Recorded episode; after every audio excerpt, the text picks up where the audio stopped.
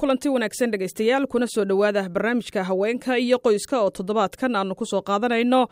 Haween danyar ah oo muruqmaal ah oo samaystay sanduuq dhaqaale oo ay ku daboolaan baahiyaha qoysaskooda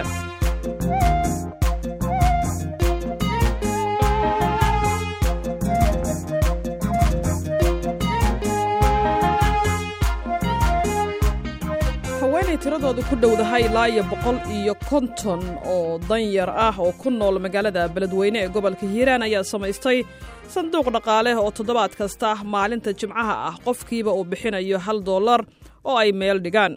Lacagtan ayay haweenku doonayaan inay ku daboolaan baahiyahooda iyo culaysyada dhaqaale ee la soo darsa sanduuqan dhaqaale.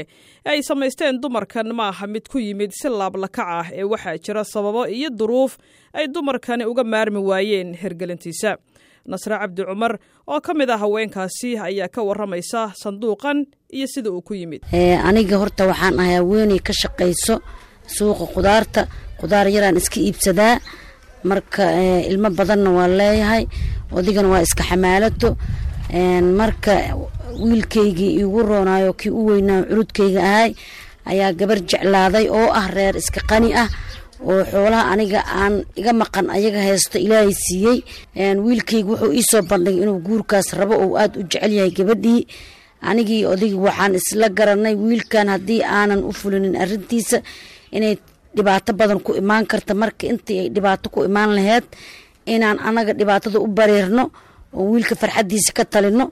Annagoo maxay ahayd jeebkayna maran yahay laakiin qalbiga aan ka wanaagsannahay marka sidaas darteed wiilkii gabartii markaan u jirinay ama gabartii aan u doonnay ciddii waxay nagu xakumeen ama ay noo soo jeediyeen inay yardo fiican aroos fiican guri fiican inta inta wax oo annaga aan tabartaynaba ahayn. Marka wiilkii iyo anigii odigii markaan tashanay wixii aan haysanayna ee qadar yar ooba meel aan nala gaarayni iyo waxa nala soo xukumay. Saddex uqeyb hal qeyb annaga aan haysan laba uqeybna aanan haysanin. Waxaan isku daynay inaan deen raadsano kadib deentii ayaan soo qaatay. Laba qofood oo magaalka nala deganaan deentii ka soo qaatay. Si kasta oo ay duruufta nololeed ee qoyskooda ay ahaataba nasro iyo qoyskeeda waxa ay dhexda u xirteen arooska wiilkooda. Hase ahaatee nasro waxaad soo food saartay dhibaato ka dhalatay galbintii arooska ee wiilkooda. Arooskii markaan baxsaday laba bilood kadib waxaa igu adkaaday inaan xoolihii dhiibo. Suuqii ayaa nagu xumaaday. Qoysas danyar ahaan iska nahay. Markii ay xaaladii u adkaatay labadii qofood ee aan deenta ka qaatay qof ka mid ah ayaa waxaa dhacday inuu i xirto xoolihii aan ka qabay aawiis. Kadib saddex habeenaan xabsiga u jiifay saddex habeen kadib ayaa lii or orday dadkii dariska ahaay iyo dadkii ogaay axwaashi iyo xogta aan ku suganahay. Ayaa lii or orday oo lii soo aruuriyey taakulayn taakulayntaas kadib laygu soo furtay kadib markii ay nasro ka soo baxday xabsigii gaabnaah ee ay u gashay guurka wiilkeeda dartiis ayaa haweenkii ay isyaqaaneen nasro iyo kuwo kaloo badan oo ay isku duruuf yihiin. Waxa ay la yimaadeen hal abuur ay rumaysan yihiin inay kaga badbaadi karaan in mar dambe hooyo loo xiro furdaaminta arrimaha qoyskeeda sida guurka carruurtooda oo kale mashruuc mire cabdalla waxay ka mid tahay haweenkii lahaa fikirkan samaynta sanduuqa dhaqaalaha ah iyo inay iska kaashadaan dhibaatooyinka dhanka nolosha ka haysta qoysaskooda danyarta ah. Waxay v o eda uga warantay waxa ku dhaliyey tallaabadan ay qaadeen. Waxaa nagu dhalay inaan barnaamijkan qabanqaabadeeda aanu haysano. Wiilasha markii la guurinayo dhibaatooyin badan ayaa qabsato. Jeceelkoodii ayaa meel xun dhibaatooyin badan ku qabsanaysa. Dhibaatada ku qabsanaysaa ka mid ah gabadhiiyou jecel yahay. Una awood aan u haynin qarash la'aan asigana xoogsato uu iska yahay xooggiisana wixii uu xismi lahaa.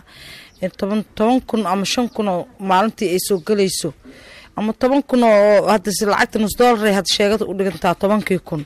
Intaas markuu helane ee wax ay ugu dhigmaynin ee markuu gabadhii ciddii ay leeyihiin ninkaas intaas haduuba keenin guurkiisii uu guurka waynayo wiilkana ay ku dhici karto inay ama uu tahriib ou galo sidii hadda.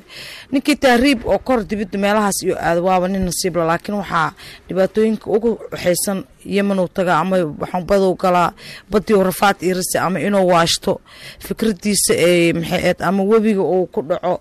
Dhibaatooyinkaas awgeed sidaan annaka aan wiilashaas fikradooda aan ku soo celin taasaa munaasibadahaas ay ugu qasabtay. Mashruuc miro waxa ay sidoo kale wax inooga sheegaysaa dhacdooyin hore uga dhacay magaalada oo ka dhashay guurka dhallinyarada magaalada ku nool iyo sidoo kale inta wiilal iyo gabdho ah oo ay ka saacideen guurkooda iyo sidoo kale inta ay soo wadeen hawshan istaakulaynta ay sanduuqa u furteen. Waa jiraa dad badanoo waxaa jiro wiilkay hooyadii wiilkeedii markii gabadha loo diiday ay baxday wiilkii uu baxay waxaan ku dhahay wiilka ilaa hadda lala-yahay qaar badanaa jiro. Qaar waxaa jiro hooyadii ay xabsi ay ku gashay markii ay wiilkii ay aroosisay. Hooyo waxaa jirta xerag loogu mutaysiiyey qarashkii ay arooska ay ku gelisay. Oo qarashkiina heer dhibaato iyo rafaad ay maanta u martay. Dhibaatooyinkaas markaan aragna xog aruurintaas aan galnay ayaan gabdhihii ayna dhexgalnay annakoo ka kooban toban haween ah aan fikradaas sameynay. Maalintaan bilaabayna tirada aan ahan iyo maanta tirada aan joogno waa mid aad iyo aad oo faa'iido u leh. Labada kun iyo sideedii ayaan bilownay arrintan labaatan ruux annakoo ah sideed iyo toban ruux ilaa labaatan ruuxan ana ka ahayn xilligaas waxaan aroosinay waxay dhan tahay saddex iyo toban ruux. Saddex iyo tobankaas saddex waa gabdho tobanna waa wiilal. Saddex iyo tobankaas qarashka naga baxay. Tan ugu yar waxaa ku baxo saddex boqol iyo toddobaatan oo kale. Kan ugu badanna waxaa ku baxo sagaal boqol iyo afartan. Annagoo ka kooban boqol iyo konton ruux oo jimcadii hal doolar la dhigo. Bishii waxaa soo aruuri kartaan umalaynaa lix boqol oo doolar lixdaas boqol. Marna waa ka daynsan hadday tacsii timaadan kaasadaasaan ka baxsanaa emerjensiga sida aninkana aan ku fulino.